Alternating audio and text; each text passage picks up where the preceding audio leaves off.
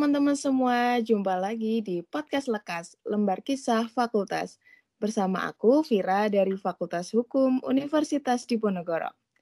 So teman-teman, kita udah memasuki episode ketiga podcast Lekas nih. Bagi kalian yang belum dengerin episode-episode sebelumnya, bisa langsung didengerin ya.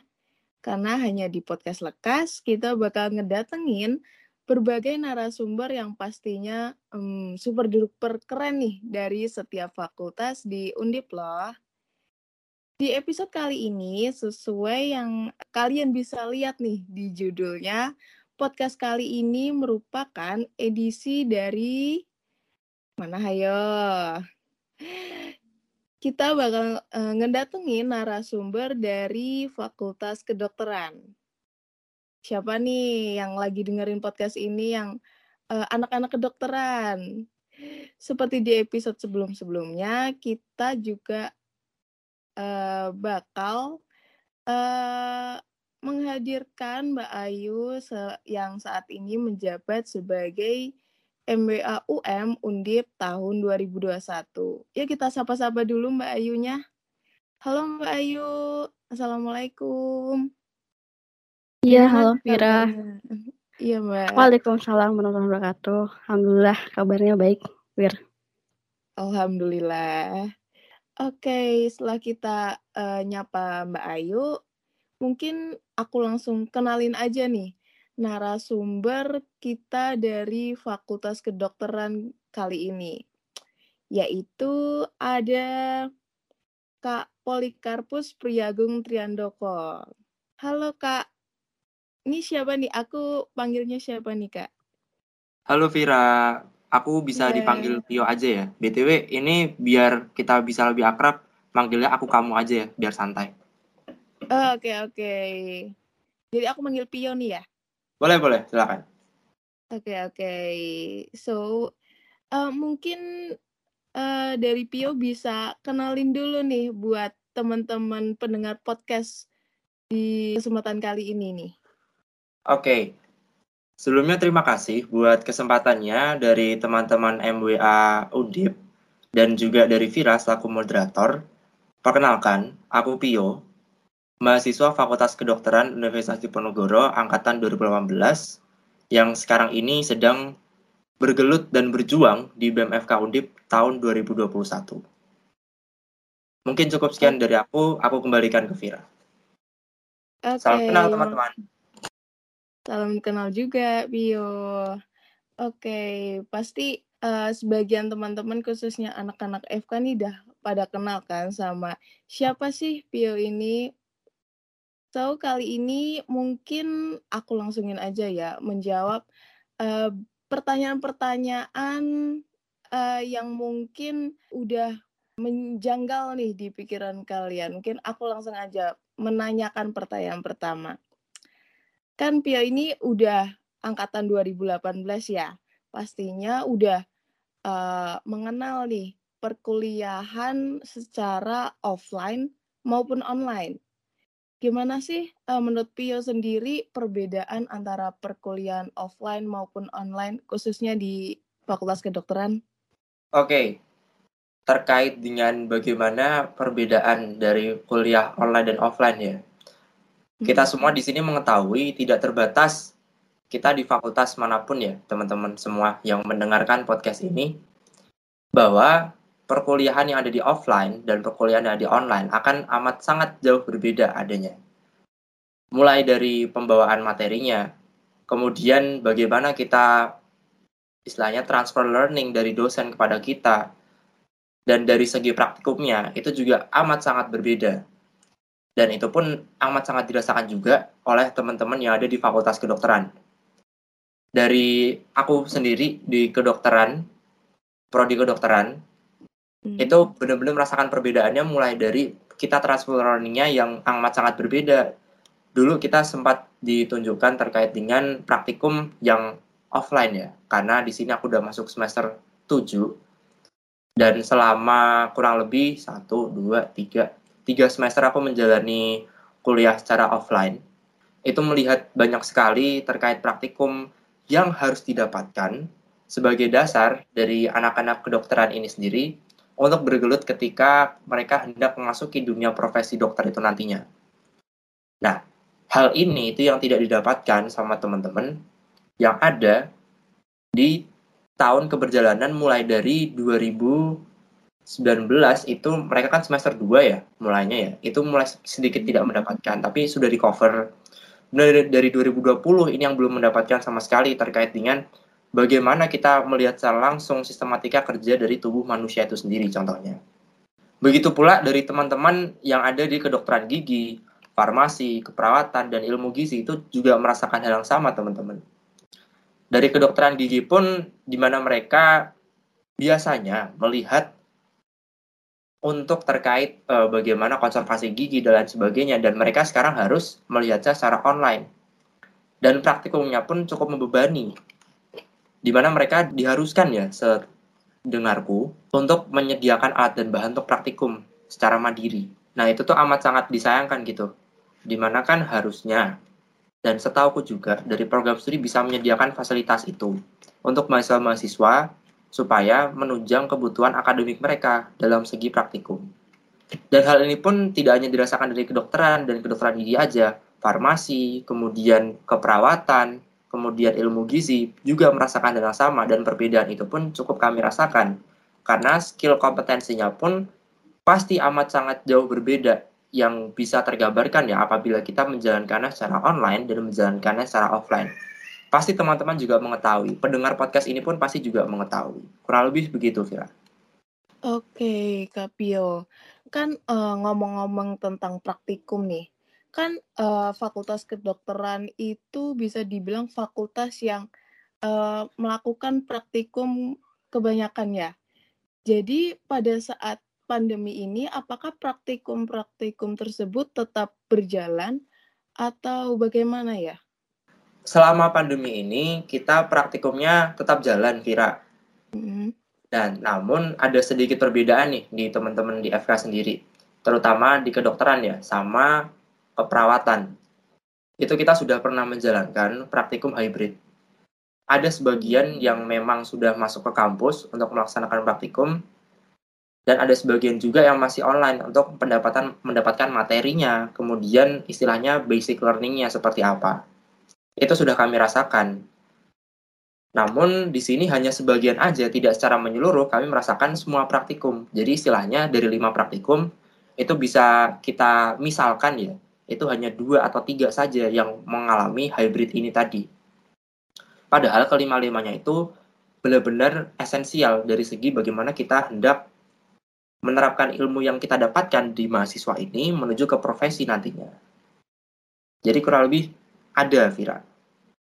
Gitu. Okay. Untuk hybrid learning. Ngomong tentang hybrid learning kan uh, Undip kan ada wacana nih tentang hybrid learning. Kalau di FK sendiri itu yang uh, di mahasiswa yang diharuskan untuk mungkin melakukan prakteknya cara offline gitu apakah tertuju pada uh, mahasiswa mungkin mahasiswa tingkat akhir saja atau uh, semua angkatan di mahasiswa di FK tersebut boleh melakukan? Untuk siapa aja yang diperbolehkan melakukan hybrid learning ya, dalam arti di sini hmm. adalah praktikum. Tentu yang paling utama adalah mahasiswa tingkat akhir yang sedang melakukan penelitian ya, entah itu di rumah sakit, entah itu di lab, ataupun di fakultas kedokteran sekalipun. Itu yang pertama. Hmm. Kemudian yang kedua, yaitu terkait mahasiswa-mahasiswa di angkatan tertentu yang sudah diperbolehkan dan sudah ada regulasi dari program studinya masing-masing dari departemen masing-masing untuk melaksanakan hybrid learning. Contohnya adalah di departemen kedokteran itu ada program studi kedokteran yang sudah melaksanakan. Dan untuk ya. semester aku bicarakan tahun lalu aja ya yang memang sudah berjalan di semester 5 itu yang menjalankannya ada di angkatan 2018 angkatanku yang waktu itu semester 5 kemudian angkatan 2017 itu untuk keterampilan klinik dasarnya. Kemudian ada juga dari angkatan uh, eh, 2019 juga merasakan untuk praktikumnya dan keterampilan kliniknya juga. Dan angkatan 2020 juga sudah merasakannya itu. Nah Untuk program studi lain, itu ada dari Departemen Keperawatan yang sudah merasakan terkait keberjalanan praktikum hybrid learning ini. Itu di angkatan 2018 yang sudah merasakannya. Untuk program studi lain, sampai sejauh ini masih hanya dalam ranah penelitian aja. Dan harapanku untuk ke depannya pun kompetensi dari segi praktikum ini pun bisa terlaksana karena ilmu tanpa penerapan itu merupakan suatu hal yang sia-sia nantinya ketika kita sudah masuki dari dunia profesi. Dan dunia profesi pun yang kita perlukan adalah skill. Dan ini yang kita pertanyakan sampai hari ini, bagaimana kita bisa menerapkan skill yang ada tapi kita tidak terlatih dari segi prakteknya. Itu Vera. Oke, oke. Uh, berarti kan uh, mahasiswa yang melakukan praktikum di uh, mungkin lingkup kampus atau mungkin juga rumah sakit harus datang ya secara langsung lah. Itu ada mungkin protokol kesehatan dari yang udah dibuat oleh kampus sendiri nggak? Terkait protokol, yang jelas kami menerapkannya yaitu yang sudah sesuai dengan regulasi pemerintah. Ada 5M, hmm. kemudian mereka juga harus sebelum mereka datang ke Tembalang dan sebelum mereka melakukan praktikum, mereka harus menunjukkan tanda bahwa mereka termasuk negatif reaktif COVID. Itu yang paling utama.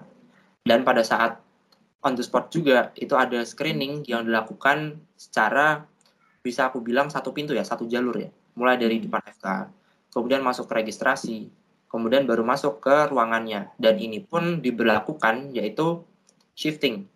Ada yang pagi, ada yang siang, dan ada yang sore. Untuk mencegah terjadinya kerumunan dan mobilitasnya pun bisa dipersempit. Kurang lebih begitu, Vira, untuk protokol yang dilaksanakan di Fakultas Kedokteran sendiri. Oke, oke. Mungkin aku mau tanya nih, habis bahas praktikum, kan pastinya kita nggak luput nih dari fasilitas penunjang dari uh, mungkin praktikum-praktikum tersebut seperti laboratorium, alat-alat praktek, uh, mungkin juga perpustakaan dan uh, masih banyak lainnya di FK sendiri itu fasilitas-fasilitas penunjang kegiatan tersebut menurut Pio sendiri sudah cukup tersedia dengan baik atau belum? Di sini mungkin bisa aku canangkan ya teman-teman yang mendengarkan juga hmm. terkait seberapa baik atau buruknya itu tergantung di beberapa sektor bisa aku bilang. Apabila kalian mendalaminya dari mahasiswa yang sudah melaksanakan dari hybrid learning, itu pasti akan bilang cukup baik dan mereka juga bisa cukup merasakan. Tapi apabila masih ada yang melaksanakan secara online, bisa aku bilang ada yang ada yang keberatan dan ada juga yang tidak keberatan karena yang tidak keberatan merasa ini diperlukan untuk mempersiapkan istilahnya adalah dari segi logistik dan peralatan diperlukan untuk profesi ke depannya. Bisa kita ambil contoh ketika aku menjalankan yang namanya ada materi atau kuliah terkait keterampilan klinik dasar itu kita diberikan basic learning how to be a doctor dalam praktiknya, dalam keberjalanan secara nyatanya itu seperti apa. Di sini yang jelas diperlukan adalah alat bahannya, dan itu yang paling esensial karena apabila tidak ada alat bahan, kita tidak bisa melaksanakan keterampilan klinik ini. Dan yang amat sangat aku sayangkan di sini adalah dari program studi dari koordinatornya itu masih ada yang mengharuskan untuk mahasiswanya itu membeli alatnya, tidak mengimprovisasikan alatnya. Ini yang menjadi ketersenjangan ya, bisa aku bilang di sini. Hmm. Karena ada sebagian dosen yang merasa alat ini perlu, makanya ayo beli. Mau nggak mau kalian harus beli. Kalau nggak nanti um, istilahnya keterampilan kalian jelek, jadi nilai kalian belum bisa bagus dan lain sebagainya itu. Tapi ada juga yang tidak apa-apa dan mengajari dan memaklumi itu. Kita mengetahui bahwa kondisi pandemi ini sedang melanda tidak hanya dari kalangan atas, kalangan tengah maupun ke bawah, tapi semua kalangan melandanya. Dan banyak juga yang kesusahan dari segi ekonomi, salah termasuknya. Ini pun melanda dari teman-teman mahasiswa juga, termasuk dari angkatanku, yang bahkan kita itu membeli cermin, itu ada. Kemudian ada juga uh, membeli banyak alat lah pokoknya, untuk kelengkapan dari keterampilan klinik ini yang menurutku pribadi berdasarkan apa yang aku alami bisa kita improvisasikan. Setidaknya sudah menyerupai dari bentuknya dan fungsi dari alat tersebut. Kemudian dari segi sektor bagaimana kita mendapatkan akses ilmu ya dari perpustakaan sendiri. Jujur aku amat sangat menyayangkan di Fakultas Kedokteran sendiri perpustakaan online-nya belum berjalan dengan efektif dan efisien. Bahkan ketika aku menjalankan proses untuk pembuatan proposal KTI atau skripsiku ini, untuk mencari penelitian terdahulu yang sudah dilakukan oleh kakak tingkat, itu aku harus datang ke FK langsung. Tidak boleh online dan harus datang secara langsung. Dan itu yang amat sangat aku bingungkan gitu. Kenapa kok bisa seperti ini? Padahal kondisi kita lagi susah dan sebagainya. Ketika aku tanya, Bu, ini perpustakaannya kira-kira bukanya kapan? Kapan kita bisa akses semua bukunya ada di sini untuk pembelajaran? Dari petugasnya pun mengatakan nunggu pandemi selesai ya, deh, baru kita bisa buka secara umum untuk perpustakaan ini. Nah, ini pun juga agak sedikit membingungkan ya menurutku, karena buku-buku yang ada di perpustakaan itu amat sangat membantu kami di sini. Ketika kami membutuhkan materi ataupun pembelajaran yang sekiranya belum kami dapatkan atau harus kami cari sendiri di luar dari materi yang kami dapatkan ketika kegiatan belajar mengajar. Kurang lebih begitu, Vira. Itu contoh gambarannya aja yang ada di Fakultas Kedokteran. Oke, oke. Berarti seperti yang udah aku uh, tangkap tadi, berarti uh, untuk mahasiswa kedokteran sendiri, alat-alat untuk penunjang praktek itu nggak difasilitasi ya sama mungkin kampus sendiri. Berarti mereka harus uh, membeli secara pribadi, begitu ya? apabila mereka tidak melaksanakan hybrid learning, iya, hmm. mereka hmm. diperuntukkan untuk menyiapkan secara sendiri-sendiri, secara pribadi dan dengan kemampuan individunya masing-masing. Apabila mereka melaksanakan hybrid learning, maka akan disediakan peralatannya oleh kampus. Namun di sini perlu digarisbawahi yang terlaksana di hybrid learning tidak tidak terdiri dari semua materi, hanya materi yang sekiranya esensial untuk dilaksanakan. Dan ini kami pahami, pertama dari segi keterbatasan waktu, kedua dari segi hmm. keterbatasan mobilitasnya, dan ketiga kita lagi di kala pandemi dan kita tidak bisa memungkinkan semua mahasiswa berkumpul dalam satu daerah sekaligus yaitu Tembalang. Hmm. Kurang lebih gitu. Oke oke. Uh, terus aku mau nanya lagi nih. Sekarang kalau misalnya menurut uh, Pio sendiri me melihat dan uh, mem mungkin memakai fasilitas atau sarana prasarana yang uh, udah disediain nih sama Fakultas Kedokteran sendiri, menurut Pio sendiri uh, masih nggak perlu adanya mungkin pembangunan atau pengadaan atau mungkin perbaikan di FK? Di sini mungkin aku berbicara saran juga ya kepada teman-teman yang ada di BKMBA sendiri. Hmm. Fakultas kedokteran itu salah satu fakultas yang skillnya itu didapatkan mengenai, melalui praktikum. Teman-teman sendiri juga sudah mengetahui stigmatisasi yang terjadi di Undip, bagaimana fakultas kedokteran itu belajar. Kita belajar sepanjang hayat, kita praktek secara hmm. langsung, tidak hanya dari segi belajar aja, dan kita menerapkan ilmu yang kita dapatkan langsung dalam praktek itu. Harapanku di sini adalah dari pihak kampus sendiri bisa memberikan akomodasi sekiranya itu dari segi insentif kepada mahasiswanya.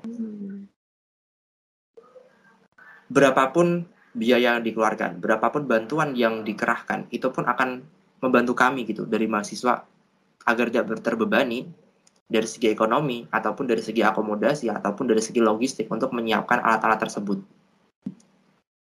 Ini pun tidak hanya terasa di program studi kedokteran saja, pun juga dirasakan oleh empat program studi lainnya di kedokteran gigi, farmasi, keperawatan, dan ilmu gizi. Kompetensi-kompetensi yang kita butuhkan itu bisa didapatkan melalui skill yang nyata, melalui praktikum, dan melalui ilmu yang kita dapatkan. Dan bisa dibayangkan, peningkatan kasus dari COVID-19 ini sendiri pun berdampak pada nakes ini sendiri dan siapa yang akan menggantikan nakes yang sudah gugur ini tadi? Tidak lain dan tidak bukan adalah kami, yaitu mahasiswa tenaga kesehatan. Dokter, dokter gigi, apoteker atau farmasis, perawat, kemudian dari ahli gizi yang akan menggantikan tenaga kesehatan yang sudah gugur nantinya. Dan bagaimana kami bisa memberikan pelayanan seutuhnya apabila kami pun tidak dilayani dengan seharusnya. Itu yang menjadi pertanyaan sekarang ini. Kurang lebih begitu, Vira. Oke. Mungkin uh, menurut Pio sendiri uh, selain insentif nih, ada nggak sih yang uh, mungkin fasilitas uh, yang nyata, fasilitas penunjang uh, untuk pembelajaran yang perlu di mungkin dibangun gitu untuk FK sendiri dalam waktu dekat ini?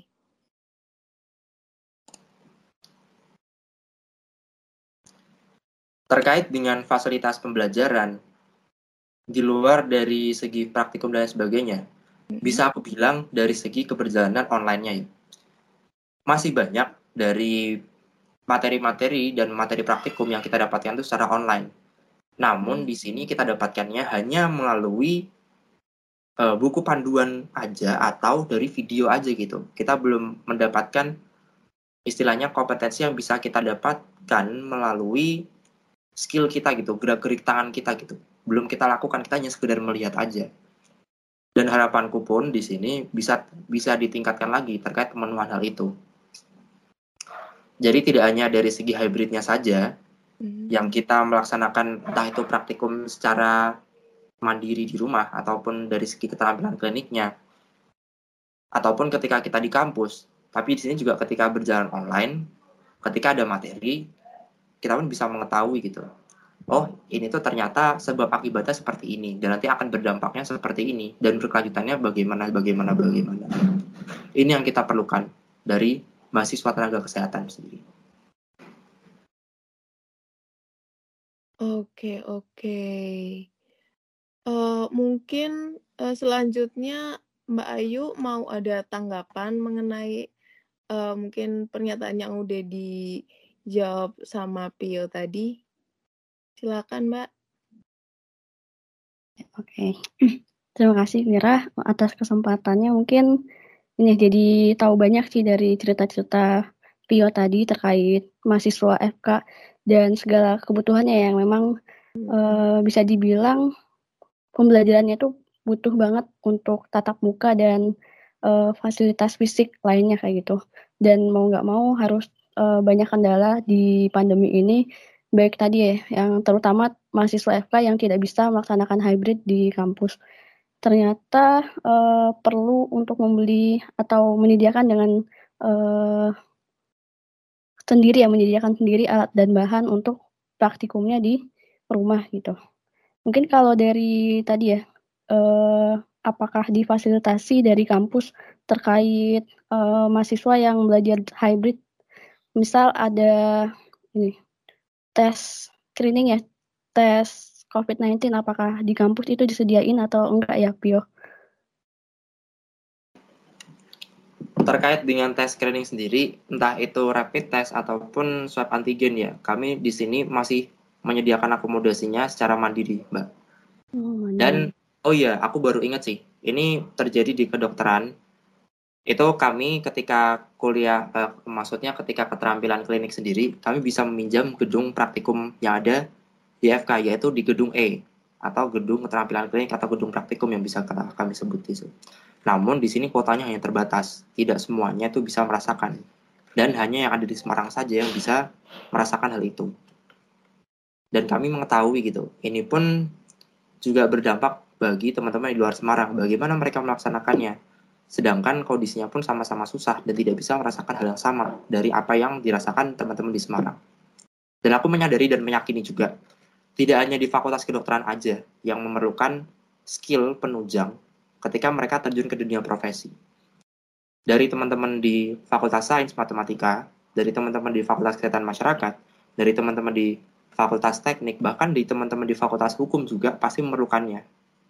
Dan aku harap di sini Undip bisa memenuhi kebutuhan itu. Karena kebutuhan akademik itu salah satu yang ditujang dari Prof. Yo sendiri, Mbak. Mungkin Mbak Ayu juga sudah mengetahuinya. Di mana kita pun hendak dan lagi gencar-gencarnya meningkatkan indikator kinerja Undip, entah itu menuju World Class University ataupun menuju pemeringkatan sendiri. Bagaimana kita bisa memenuhi kebutuhan Undip apabila Undip tidak memenuhi kebutuhan kita sendiri? Gitu, Mbak. Oke, Pio. Setuju banget sih terkait itu ya. uh, penunjangan fasilitasi dari kampus ataupun semacamnya terkait pembelajaran mahasiswanya di kampus. Setuju banget karena juga emang uh, berdampak pada indikator kinerja dari Undip itu sendiri. Kemudian mungkin kemarin juga sempat bertanya kepada bapak-bapak direktorat uh, terkait fasilitasi mahasiswa untuk pemenuhan protokol kesehatan. Nah, dari jawaban beliau itu uh, itu akan dikembalikan kepada fakultasnya sendiri uh, untuk menyediakan protokol kesehatan karena anggarannya di fakultas. Misal contoh kalau kemarin itu disebutkan ada fakultas yang menyediakan screening atau tes COVID-19 itu di FPP kayak gitu untuk menunjang uh, mahasiswa yang mau praktikum mungkin itu yang di untuk jawaban dari rektorat ya dari lebih tepatnya WR2 seperti itu. Kemudian juga oh ya um, mengingat apa ke pembahasan terkait infrastruktur atau pembangunan kemarin itu disebutkan bahwa ternyata di tahun beberapa tahun ini sedang ada peningkatan di sarana prasarana penunjang akademik semisal laboratorium, kemudian ruang kelas atau gedung kuliah gitu. Kalau di FK sendiri, apakah uh, sudah terrealisasi terkait uh, wacana pembangunan ataupun perbaikan dari infrastruktur penunjang akademik pun atau uh, dari Pio sendiri mungkin ada yang belum merasa belum terrealisasi atau dari Pio apa sih yang pengennya sebaiknya ada gitu di FK untuk pembangunan infrastrukturnya? Terkait pembangunan sendiri, dari aku sendiri karena memang terkendala pandemi ya mbak dan aku memang amat sangat menghindari ketemu orang secara langsung. Jadi aku belum pernah menilik gitu fakultas kedokteran. Sekarang sedang ada apa? Sedang bagaimana nih bentuk fisiknya? Apakah sedang diperbarui dan lain sebagainya? Namun yang aku ketahui sendiri ketika aku cuma sekedar lewat aja sih waktu itu. Itu sedang ada pembangunan yang terjadi di gedung ilmu gizi. Untuk tujuan dari pembangunan sendiri, aku kurang mengetahui dan kurang mendalami juga apakah itu terkait dengan pembangunan infrastruktur penunjang keberjalanan kuliah ataupun hanya sekedar perbaikan aja. Dari segi praktikum pun juga di sini aku belum mendengar dan belum melihat juga tindakan atau realisasi dari apa yang Mbak Ayu bilang dari bapak-bapak yang ada di rektorat itu tadi ya. Dan kalau memang ada, harapanku pun nanti bisa aku coba bicarakan bersama dengan ibu bapak yang ada di dekanat Fakultas Kedokteran sendiri gitu. Dan kalau boleh tahu Mbak, ini terkait kebijakannya ada semacam dasarnya nggak yang memperlakukan untuk hal tersebut? Oh ya, untuk terkait dasarnya ya, mungkin kemarin itu sempat ada pembahasan terkait laporan keuangan dan di situ ada beban ya, biaya beban bisa dibilang uh, alokasi dana untuk beban pembangunan infrastruktur itu cukup tinggi sehingga ada muncul pertanyaan uh, kenapa alokasi dana untuk pembangunan infrastruktur itu itu tinggi? Ternyata jawabannya adalah sedang ada fokus untuk pembangunan infrastruktur atau perbaikan infrastruktur di tahun-tahun ini. Mulai dari ya awal Prof. Yos uh, menjabat seperti itu untuk landasannya. Dan itu dilakukan bertahap sih dari awal pengesahan rentra sampai nanti akhir dan itu mungkin uh, misal bertahapnya itu bisa dibilang tahun pertama untuk fakultas A, B, C, D, F, G, kemudian tahun kedua dan ketiga dan seterusnya seperti itu. Begitu, Pio. Dan tanya lagi ya Mbak, kan setauku dan selihatku juga di FSM kan sudah ada bangunan infrastruktur secara menyeluruh ya di fakultas mereka itu apakah dari segi bertahapnya itu ada ini nggak Mbak, kayak semacam jangka waktunya gitu? Dan ada targetnya nggak untuk tahun keberapa sekiranya fakultas-fakultas ini tuh bisa melaksanakan contohnya di FK nanti tahun keberapa, di FH nanti tahun keberapa, di FISIP tahun keberapa, di FPP tahun keberapa gitu ada nggak Mbak? Yang sekiranya nanti bisa menjadi penunjang ketika aku berbicara dengan Bapak Ibu yang di dekanat. Ya, benar. Hmm, kalau untuk rencana tahun-tahunnya itu ada uh, bisa diperoleh kepada WR2 dan sedang kami mintakan sih sebenarnya dari file landscape atau rencana pembangunan untuk tiap fakultas seperti itu. Mungkin kalau dari WR2-nya belum bisa menyediakan untuk di kasih ke kami gitu. Mungkin nanti kalau misal berkasnya sudah ada akan dengan segera ya kami berikan kepada teman-teman mahasiswa Undip begitu. Oke, terima kasih Mbak buat responnya. Dan tidak hanya dari kami yang berjuang untuk dekanat ya, dan harapanku pun dari Mbak Ayu juga berjuang gitu ke rektorat dengan mengepush untuk kebutuhan dari segi mahasiswa yang karena di sini Mbak Ayu yang sebagai salah satu pemegang kekuasaan tertinggi gitu, yang bisa berjabat tangan langsung dengan rektorat di atas gitu. Ya, ya siap, siap yuk.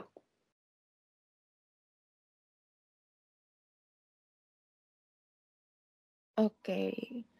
Udah Mbak Ayu? Apa ada tanggal tanggapan lagi? Untuk atas mungkin udah ya, Fir. Boleh dilanjut, Fir. Oke, oke. Mungkin aku lanjutnya. Lanjut ya. Uh, mungkin karena udah nih, udah membahas tentang fasilitas, sarana prasarana, uh, mungkin penunjang kegiatan pembelajaran. Mungkin aku mau nanya nih buat Pio tentang isu-isu atau hal-hal yang lagi pa mungkin panas-panasnya nih di diperbincangkan di Fakultas Kedokteran tuh apa sih saat ini?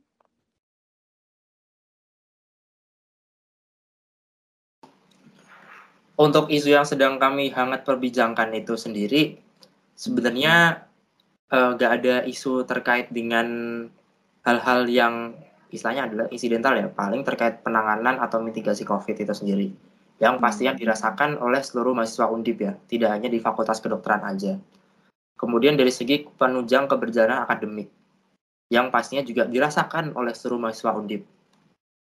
Nah, tapi di sini ada satu hal menarik yang sekiranya itu ada, tapi entah kenapa menurutku keterbukaan informasinya itu belum ada. Yaitu mengenai program studi keperawatan yang membuka istilahnya kalau dibilang sama pihak departemen keperawatan itu adalah semacam eh, kayak kuliah paralel ya atau apa gitu semacam intinya tuh masih masuknya ke dalam program studi keperawatan bukan ke PSDKU nah tapi letaknya ada di Jepara. Di sini ada banyak hal yang masih aku pertanyakan bersama dengan teman-temanku di BMFK sendiri dan teman-teman di HIMKA juga, termasuk teman-teman di BEM juga gitu. Ini sudah sejauh apa kesiapannya dan bagaimana pemenuhan terkait pelayanan untuk akademiknya sendiri di Jepara.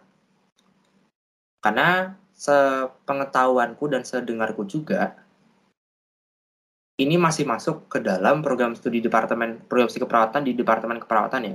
Jadi otomatis pelayanannya pun berdasar dari departemen keperawatan sendiri. Namun ketika ditanyakan, informasi yang diberikan amat sangat minim dan ketika kita meminta bantuan untuk menanyakan ke rektorat, rektorat pun menjawabnya ini sudah menjadi semacam istilahnya adalah pemberian otonomi lah, bisa aku bilang. Itu ke departemen yang bersangkutan, ke provinsi yang bersangkutan dan kami cukup kaget gitu. Dan kami cukup shock juga. Yang kami kagetkan adalah kami di sini bisa bantunya itu apa? Apa yang bisa kami pas apa yang bisa kami bantu untuk memastikan kesejahteraan mahasiswa di sana tuh memang sudah terjamin? Kalau kami tidak mengetahui informasi apa pun di dalamnya. Jadi itu sih. Dan aku kurang tahu ya ini apakah ada dasarnya atau enggak. Tapi tiba-tiba aja aku waktu itu lihatnya tuh di undip.official di Instagram gitu. Di GTV-nya undip itu ada tiba-tiba program studi keperawatan dibuka di Jepara gitu. Nah ini kan yang sedikit dibingungkan kan. Dan langsung aku koordinasi dan langsung konfirmasi juga dan aku minta tolong bantuan untuk bertanya sana sini juga terkait hal ini. Pun juga tidak hanya di FK aja yang merasakan ya. Dan aku tahu di Eva pun juga merasakannya betul nggak Vira itu ada yang dibuka di Jepara juga kan kalau nggak salah. Iya iya uh, uh. nah aku kurang tahu sih tapi sedengarku dan sepengetahuan pendekku di Eva pun juga minim informasi yang dikeluarkan dari dekanat. Pun sama juga yang ada di Fakultas Kedokteran sendiri. Nah ini bisa nggak nih kita perjuangkan untuk keterbukaan informasi ini bisa nggak nih sekira setidaknya kita bisa memperjuangkan untuk melayani kesejahteraan mahasiswa di sana. Jadi apa yang mereka dapatkan tidak jauh berbeda dari apa yang kita dapatkan di Undip Tembalang ini. Kita masih sama-sama dalam kampus Undip, kita masih sama-sama menjadi masa Undip, tapi apabila ada kesenjangan, apakah kita masih bisa menjadi satu Undip? Itu yang menjadi pertanyaan. Oke, oke. Iya, aku mau nanggepin yang tadi sih. Aku sebagai anak uh, eh, FW sendiri juga uh, pernah mendengar wacana seperti itu, tapi aku uh, belum tahu nih itu bakal terrealisasikan secara nyata atau enggak karena uh, dekanatku sendiri juga belum uh, menginformasikan ya kepada uh, mahasiswa mahasiswa Fakultas Hukum itu sendiri.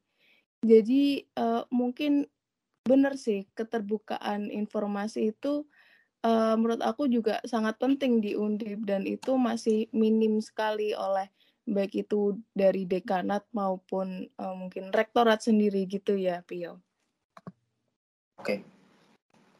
Oke, okay. mungkin di sini aku lempar pertanyaan aja ya ke Mbak Ayu juga. Mbak Ayu, okay. ada nggak sedikit informasi yang bisa kita dengarkan nih dan teman-teman yang mendengar podcast ini sedikit mendapat insight juga nih terkait pembukaan program studi yang ada di Jepara ini sendiri.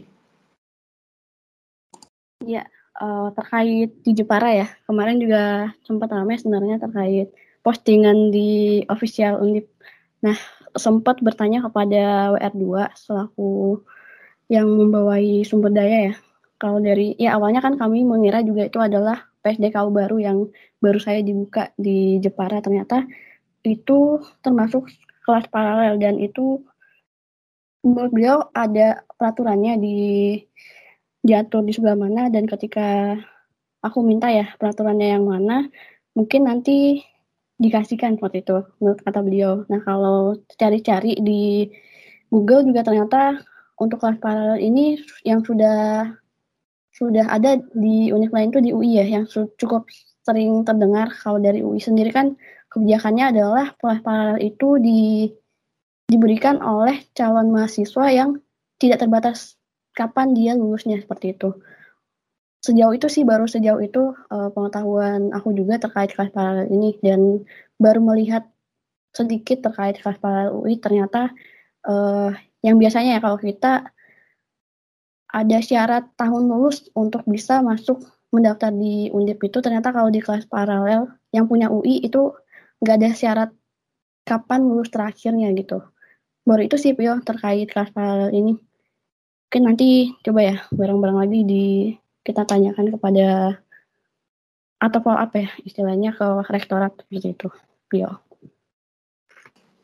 Oke, terima kasih informasinya Mbak Ayu. Dan bisa ditanyakan juga ya Mbak untuk kelas paralel ini tuh dimulainya pada tahun ajaran berapa? Dan target yang diterapkan untuk sumber daya di dalamnya itu ada berapa tenaga pendidik, hmm, sivitas okay. akademikanya, termasuk mahasiswa juga ya Mbak. Itu bisa hmm. ditanyakan ya Mbak, supaya nanti kita bisa clear out dan make sure juga seberapa besar daya yang bisa kita berikan untuk bantu mahasiswa yang ada di sana. Oke, okay. siap, yuk. Terima kasih untuk masukannya. Oke, okay. Uh, mungkin setelah kita bahas isu nih yang udah yang lagi panas di FK, mungkin uh, selanjutnya aku mau nanya nih te, uh, pada Pio tentang Undip menuju World Class University yang tadi uh, Pio udah singgung juga. Menurut kamu di FK sendiri itu udah mungkin mencanangkan belum sih World Class University itu sendiri gimana teknisnya? Berbicara mengenai World Class University ya. Dari artikel yang aku baca juga, World Class University itu apa dan intisarinya bagaimana, ada empat yang menjadi pusat ya, bisa aku bilang. Pertama dari segi research, kemudian kedua dari segi teaching, ketiga dari segi employability-nya, dan keempat dari segi internationalization-nya. Di dalam fakultas kedokteran sendiri, itu bisa aku bilang ada beberapa tolak ukur yang bisa kita lakukan di dalamnya. Pertama, dari bagaimana kita memberikan excellence in research-nya, yaitu dari segi keunggulan penelitiannya. Dengan cara yaitu meningkatkan publikasi hasil penelitian, kemudian mem, dari segi produktivitas dan kreativitas penelitian juga kita perbanyak gitu. yang ada di Fakultas Kedokteran sendiri. Tidak hanya dari segi mahasiswa juga, tapi dosen juga setiap sedia untuk menerbitkan dari segi penelitiannya. Entah itu yang berbahasa Indonesia ataupun yang berbahasa bilingual yaitu bahasa Inggris di sini. Kedua, bagaimana dari segi self managementnya itu juga penting di sini untuk menuju dari World University. Di sini peran mahasiswa pun amat sangat diperlukan, termasuk dari peran lembaga mahasiswa untuk memberikan pengelolaan diri yang kuat. Mulai dari pelatihan-pelatihan yang ada dan bagaimana di sini kita istilahnya adalah memberikan gambaran nih dunia sekarang tuh kayak gimana. Permasalahan-permasalahan ada itu ada apa aja dan apa yang bisa kita lakukan untuk menjawab permasalahan tersebut dalam ranah terkecil yaitu mulai dari diri kita sendiri. Itu. Kemudian terkait dengan penggunaan teknologi informasi dan komunikasi. Bisa aku bilang di Fakultas Kedokteran sendiri sudah bagus. Namun masih ada beberapa sektor yang bisa ditingkatkan. Dari pertama, yaitu terkait dengan penggunaan website itu sendiri yang bisa kita masifkan dan bisa kita berdayakan lebih gitu. Kedua, terkait pelayanan administrasi yang menurut pendapatku pribadi bisa kita lakukan secara online. Namun realitanya masih banyak administrasi yang harus kita urus secara offline. Kita harus datang ke dekanat dengan uh, resiko adalah kita bisa entah itu kita mengeluarkan ataupun kita mendapatkan. Itu yang sebenarnya agak kurang di Fakultas Kedokteran sendiri. Dan bisa kita tingkatkan apabila kerjasama di antara setiap unsur yang ada tuh bisa baik. Kemudian dari segi bagaimana kita mendapatkan kebebasan akademik itu yang amat sangat penting dan bisa aku lihat di Undip ini sendiri pun 50-50 ya, teman-teman. Silakan untuk diinterpretasikan sendiri bagaimana kebebasan akademik itu terjadi di Undip. Banyak yang terjadi, banyak yang berspekulasi, namun terkait apa yang terjadi secara sesungguhnya dan bagaimana teman-teman mendapatkan informasi itu, silakan untuk diinterpretasikannya sendiri-sendiri. Terkait di Fakultas Kedokteran sendiri, kebebasan akademik ini amat sangat dijunjung tinggi ya, entah itu dari kami mahasiswanya, entah itu dari dosennya pun sendiri. Ada beberapa hal yang menjadi sorot pandangku di sini terkait kalau teman-teman mengetahui juga yang mendengarkan podcast mengetahui juga ya mungkin ya evaluasi PBM sendiri itu ada sedikit hal yang menurutku mengganjal gitu di pikiranku sendiri. Kita harus mengevaluasi sejumlah ratusan dosen untuk mengisi, untuk sebagai syarat mengisi KRS. Padahal dalam ratusan dosen itu tidak semua dosen istilahnya adalah mengajar di kelas kita, tapi harus tetap diisi. Kita sudah coba sempat menanyakan ke pihak akademik, yaitu dari teman-teman kedokteran juga sudah sempat menanyakan ke pihak akademik juga, tapi ditanyakan tetap diisi aja dan lain sebagainya itu. Dan ketika ditanya tidak lanjutnya seperti apa dan lain sebagainya, nanti akan disampaikan di kemudian hari. Yang dari aku pribadi, ini belum memunculkan atmosfer kegembiraan intelektual yang ada di Fakultas Kedokteran itu sendiri gitu. Dan bagaimana kita hendak menuju ke World Class University, tapi apabila intisari dari teaching dan employability ini belum kita terapkan dengan baik. Kemudian dari segi interna internasionalisasi sendiri, program pertukaran pelajar pun selalu kami buka di sini untuk Fakultas Kedokteran. Dari, dari kelima himpunan pun di himpunan mahasiswa kedokteran umum, kedokteran gigi, farmasi, keperawatan, dan ilmu gizi membuka peluang sebesar-besarnya apabila mahasiswa pun ingin menjadi delegasi terkait program pertukaran mahasiswa. Ini pun tujuannya pertama untuk transfer learning yang ada, kedua kembali lagi kita hendak meningkatkan indikator kinerja yang ada di Undip itu sendiri. Karena ini yang amat sangat digadang-gadangkan dari pihak birokrasi kepada pihak lembaga mahasiswa gitu. Indikator kinerja yang harus ditingkatkan. Dan bagaimana kita hendak meningkatkannya salah satunya itu melalui internalisasi ini sendiri. Mungkin dari teman-teman juga yang mendengarkan ada di fakultas lain banyak juga undip yang sudah menerapkan dari segi double degree di FSM sedengarku sudah di FEB juga dan mungkin di fakultas lain juga di fakultas teknik juga sudah ada dan ini yang menjadi salah satu dasar kita untuk menuju ke World Class University itu sendiri. Dan satu hal yang tidak kalah penting menurutku yang bisa diterapkan di Undip sendiri ya. Ini mungkin menjadi saran terbuka aja bagi siapa pun yang mendengarkan ini. Dan aku juga mempertanyakan nih, bisa nggak sih kita menerapkan adanya budaya bilingual atau budaya bahasa Inggris yang ada di UNDP ini sendiri? Kita selalu membaca jurnalnya itu jurnal-jurnal ilmiah dari bahasa Inggris. Tapi kenapa kita tidak bisa menerapkan budaya ini gitu? Setidak-tidaknya adalah kita sudah paham lah untuk apa yang dikatakan dalam bahasa Inggris. Tapi apakah kita bisa mengucapkannya dengan baik, membalas ucapannya seperti itu? Sesingkat itu saja yang mungkin bisa aku pertanyakan pada teman-teman yang mendengarkan podcast ini. Bisa nggak kita menerapkan itu? Karena di sini terkait budaya itu dikembalikan kepada diri sendiri. Apakah kita bisa menerapkannya dan bisa menginternalisasikannya untuk menjadi aktualisasi diri? Kurang lebih gitu, kira. Oke, Pio mungkin uh, salah satu saran yang baik juga nih buat uh, teman-teman yang mendengarkan podcast pada episode kali ini. Dan juga uh, kita sebagai mahasiswa pastinya harus bisa dong uh, melakukan mungkin uh, conversation dengan bahasa Inggris dengan baik dan juga benar mungkin begitu ya. Terus uh, aku mau nanya lagi nih, mungkin terkait UKT di FK mungkin itu yang udah umum banget ya di mungkin di uh, setiap fakultas itu uh, pasti membicarakan tentang UKT. Menurut Pio sendiri itu apakah biaya UKT yang ada di FK itu udah sesuai atau pas dengan apa yang diterima oleh tiap-tiap mahasiswa? Begitu Pio. Berbicara mengenai uang kuliah tunggal ya. Mm -mm. Dan kita juga akan bicarakan juga mengenai biaya kuliah tunggal, di mana di situ ada biaya langsung dan biaya tidak langsung. Itu sudah tercanangkan dalam Permendikbud nomor 25 tahun 2020 yang seharusnya bisa menjadi dasar bahwa Undip harus memenuhi kebutuhan mahasiswanya melalui itu. Menurutku pribadi dan dari pandangan yang aku pelajari, Fakultas Kedokteran sendiri merupakan salah satu fakultas dengan uang kuliah tunggal yang tinggi teman-teman juga sudah mengetahui apa yang sedang terjadi gitu di sini mengenai bagaimana teman-teman FK itu membayar untuk uang kuliah tunggalnya.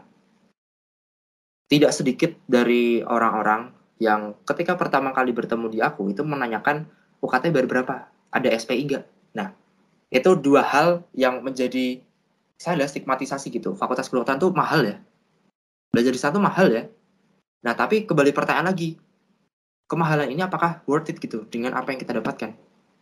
Dan balik lagi, dari bahasan yang sudah kita bahas sebelumnya, teman-teman mungkin bisa backward lagi ya dari apa yang ada di sekarang ini terkait infrastruktur yang ada. Apakah sudah sesuai atau belum? Apakah sudah menunjang atau belum? Di sini aku kembalikan lagi ke teman-teman Fakultas Kedokteran yang mendapatkan dan mendengarkan podcast ini Apakah sudah worth it menurut kalian? Dan apakah kalian sudah merasa ini tuh cukup dari apa yang kita berikan gitu? Karena salah satu hal yang dipergunakan untuk pembiayaan dari biaya kuliah tunggal itu mostly dari sumber daya kita teman-teman dari mahasiswa sendiri dan apabila teman-teman merasa keberatan dan apabila teman-teman di sini yang mendengarkan Rasa kalau ini perlu diperjuangkan. Ayo kita bersama-sama teman-teman berjuangkan itu. Ayo di sini kita bareng-bareng nih. Bagaimana kita di sini bukan mencari keadilan tapi mencari kesesuaian yang setidaknya itu bisa sesuai dengan apa yang harus kita dapatkan, yang patut kita dapatkan. Termasuk salah satunya dari segi akademik, teman-teman. Teman-teman di sini mungkin mengetahui fakultas kedokteran identik banget dengan akademik yang suka belajar dan sebagainya. Nah, pertanyakan juga apakah dari UKT yang kita bayarkan ini sudah sesuai dengan proses akademik yang kita dapatkan. Entah itu dari segi belajar mengajar, entah itu dari segi evaluasinya, entah itu dari segi skill ya, atau entah itu dari segi kompetensi yang kita dapatkan. Dan apabila teman-teman memiliki keresahan yang sama, ayo kita bareng-bareng di sini untuk memperjuangkan hal itu teman-teman. Dan jangan takut untuk bersuara. Karena di sini kita memiliki hak kebebasan berpendapat. Jangan lupakan itu, teman-teman. Dan mungkin itu dari aku, Firan. Oke, Vio. Kemudian menyangkut tentang UKT nih. Kan banyak nih mahasiswa yang menyuarakan tentang adanya uh, pemotongan UKT atau potong UKT yang mana uh, seperti yang kita tahu kan kita ada di tengah pandemi nih nggak semua mahasiswa uh, datang dan memakai fasilitas yang mungkin ada di Undip. Makanya mereka menginginkan adanya potongan UKT menurut kamu sendiri, apakah uh, hal itu sah-sah aja atau itu udah lumrah? Atau bagaimana menurut pandangan kamu? Dalam berbagai pernyataan yang dilayangkan, dalam berbagai tuntutan yang diberikan, satu hal yang pasti dipertanyakan adalah sesuai atau tidak, seperti yang sudah aku bilang tadi. Dan sependek pengetahuanku dan sependek penglihatanku juga, mahasiswa itu tidak merasa masalah menurutku ya.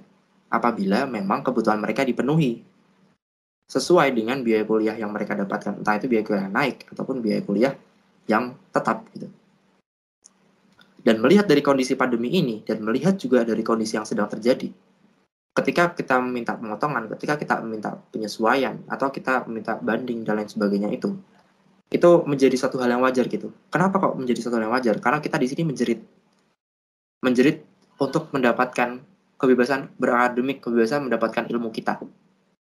Kita di sini menjerit karena kita tidak bisa mendapatkan apa yang seharusnya kita dapatkan untuk akademik, untuk ilmu, dan untuk alasan kenapa kita pengen ke undip itu sendiri. Kenapa kita pengen menjadi seorang mahasiswa, di mana dulu kita menjadi siswa. Itu yang sebenarnya dipertanyakan sampai detik ini kan. Dan ketika ditanya wajar atau enggak, Menurutku wajar. Karena dengan kondisi yang susah seperti ini, dengan kondisi yang serba, bisa aku bilang serba salah ya. Kita bertindak pun di mata yang lain salah. Ketika orang lain tidak bertindak di mata kita pun salah. Dan yang seharusnya bisa kita lakukan adalah berkompromi satu sama lain. Kita coba buka pintu komunikasi selebar-lebarnya, kita coba buka istilahnya kita nggak tutup mata nggak tutup telinga dan nggak tutup mulut lah kita mencoba untuk terbuka mungkin entah itu dari mahasiswa entah itu dari sivitas akademika atau entah itu dari birokrasi sekalipun dan amat disayangkan menurutku ketika statement pernyataan atau apa pun yang dikeluarkan oleh birokrasi itu mencakup kembali dari segi kita sudah memenuhinya melalui apa? Yaitu dari segi ya masa kalian nggak lihat nih infrastruktur ini perlu maintenance yang banyak dan lain sebagainya. Nah di sini kalian pertanyakan kembali, oke okay, kalau memang maintenance-nya butuh banyak, butuh berapa sih? Sampai-sampai harus dinaikkan, sampai-sampai kebutuhan kita nggak dipenuhi. Dan mau sampai kapan sih kita diginiin terus? apabila memang hal ini menjadi hal yang meresahkan bagi teman-teman, oh teman-teman, bapak ibu yang di birokrasi, maka bukalah uluran tangan kalian, bukalah mata, bukalah telinga, dan bukalah pintu hati kalian juga untuk teman mahasiswa itu menyampaikan aspirasinya dan menerima dan terimalah segala aspirasi kami di sini. Ini kenapa? Dan sependek pemahamanku juga, kita di Undip setiap tahun pasti membawakan garing setiap semester pasti hendak membawakan propaganda atau memperjuangkan terkait isu UKT ini. Dan harapanku di sini tidak hanya lembaga mahasiswa eksekutif saja yang, beker yang bekerja sama, tidak hanya legislatif aja yang juga mengikuti, tidak hanya dari segi uh, mahasiswa juga, dari suara-suara mahasiswa juga yang mengaspirasikan. Dari teman-teman IWA pun juga sekiranya bisa gitu. Untuk memperjuangkan hal yang sama dan apa yang dirasakan. Karena perlu diingat juga teman-teman di IWA pun masih termasuk mahasiswa kita sama-sama mahasiswa kita sama-sama merasakan apa yang sama. Entah itu dari apa yang dipenuhi dan apa yang tidak dipenuhi dari hak dan pemenuhan yang harus kita dapatkan. Dan besar harapanku di sini dalam sisa keberjalanan yang ada, akan terjadi perubahan yang signifikan yang bisa kita berikan dan bisa menjadi memori indah untuk dilanjutkan dan untuk diteruskan dalam keberlanjutan di masa mendatang. Karena kalau tidak mulai dari kita, itu siapa lagi teman-teman? Itu siapa lagi gitu. Dan tahun ke tahun pasti akan merasakan hal sama. Dan kapan kita harus menstop ini? Siapa sih yang mau stop ini? Ya kita, kita di sini. Yang sekarang ini sedang bergelut sekarang ini. Jadi itu harapanku, harapan kecilku yang semoga saja bisa diwujudkan di tahun ini. Gitu, Vira. Oke, Pio. Mungkin uh, karena kita lagi ngomongin tentang UKT nih, mungkin uh, Mbak Ayu mungkin ada tanggapannya gitu, Mbak, tentang permasalahan UKT ini? Ya, kalau terkait permasalahan UKT ya, uh, sama sih sebenarnya uh, dengan yang dikatakan Pio juga tadi, seluruh mahasiswa pun juga kalau dikaitkan juga dengan keadaan sekarang, bisa dibilang seluruh sektor memang berdampak ya berdampak terhadap pandemi ini. Entah itu di keuangan terus e, kemampuan tiap orang untuk memenuhi kebutuhannya masing-masing gitu.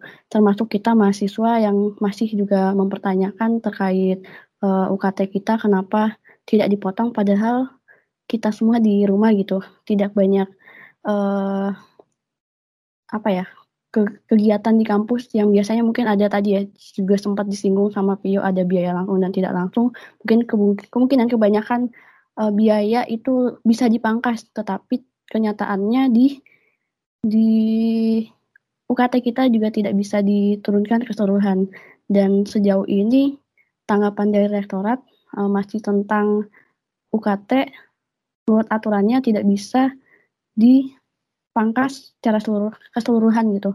Karena ada aturan yang ya terbentur aturan untuk uh, hal dalam hal ini badan pengawas keuangan ya tidak boleh tiba-tiba memotong semua uh, eh, UKT dari semua mahasiswa. Jadi harus uh, lewat banding banding UKT tadi ya penyesuaian UKT dari mahasiswa yang membutuhkan banding tersebut. Dan tadi ya uh, memang perlu kita lagi-lagi uh, mengusahakan untuk membersamai setiap mahasiswa dalam kesulitan pembayaran UKT ini. Seperti itu mungkin sesel, uh, selebihnya setuju dan sepakat banget sama yang disuarakan oleh Pio tadi. Seperti itu ya, Fir. Oke, Mbak Ayu. Dari Pio sendiri, uh, apakah ada tanggapan lagi nih atau udah cukup aja? Sedikit simpel pesanku sih buat teman-teman yang mendengarkan, buat Mbak Ayu, buat Vira, dan buat segenap panitia yang ada di sini juga ayolah kita bergerak bersama-sama gitu untuk kepentingan dari kita sendiri gitu. Untuk apa yang bisa kita lakukan kepada teman-teman kita, untuk diri kita.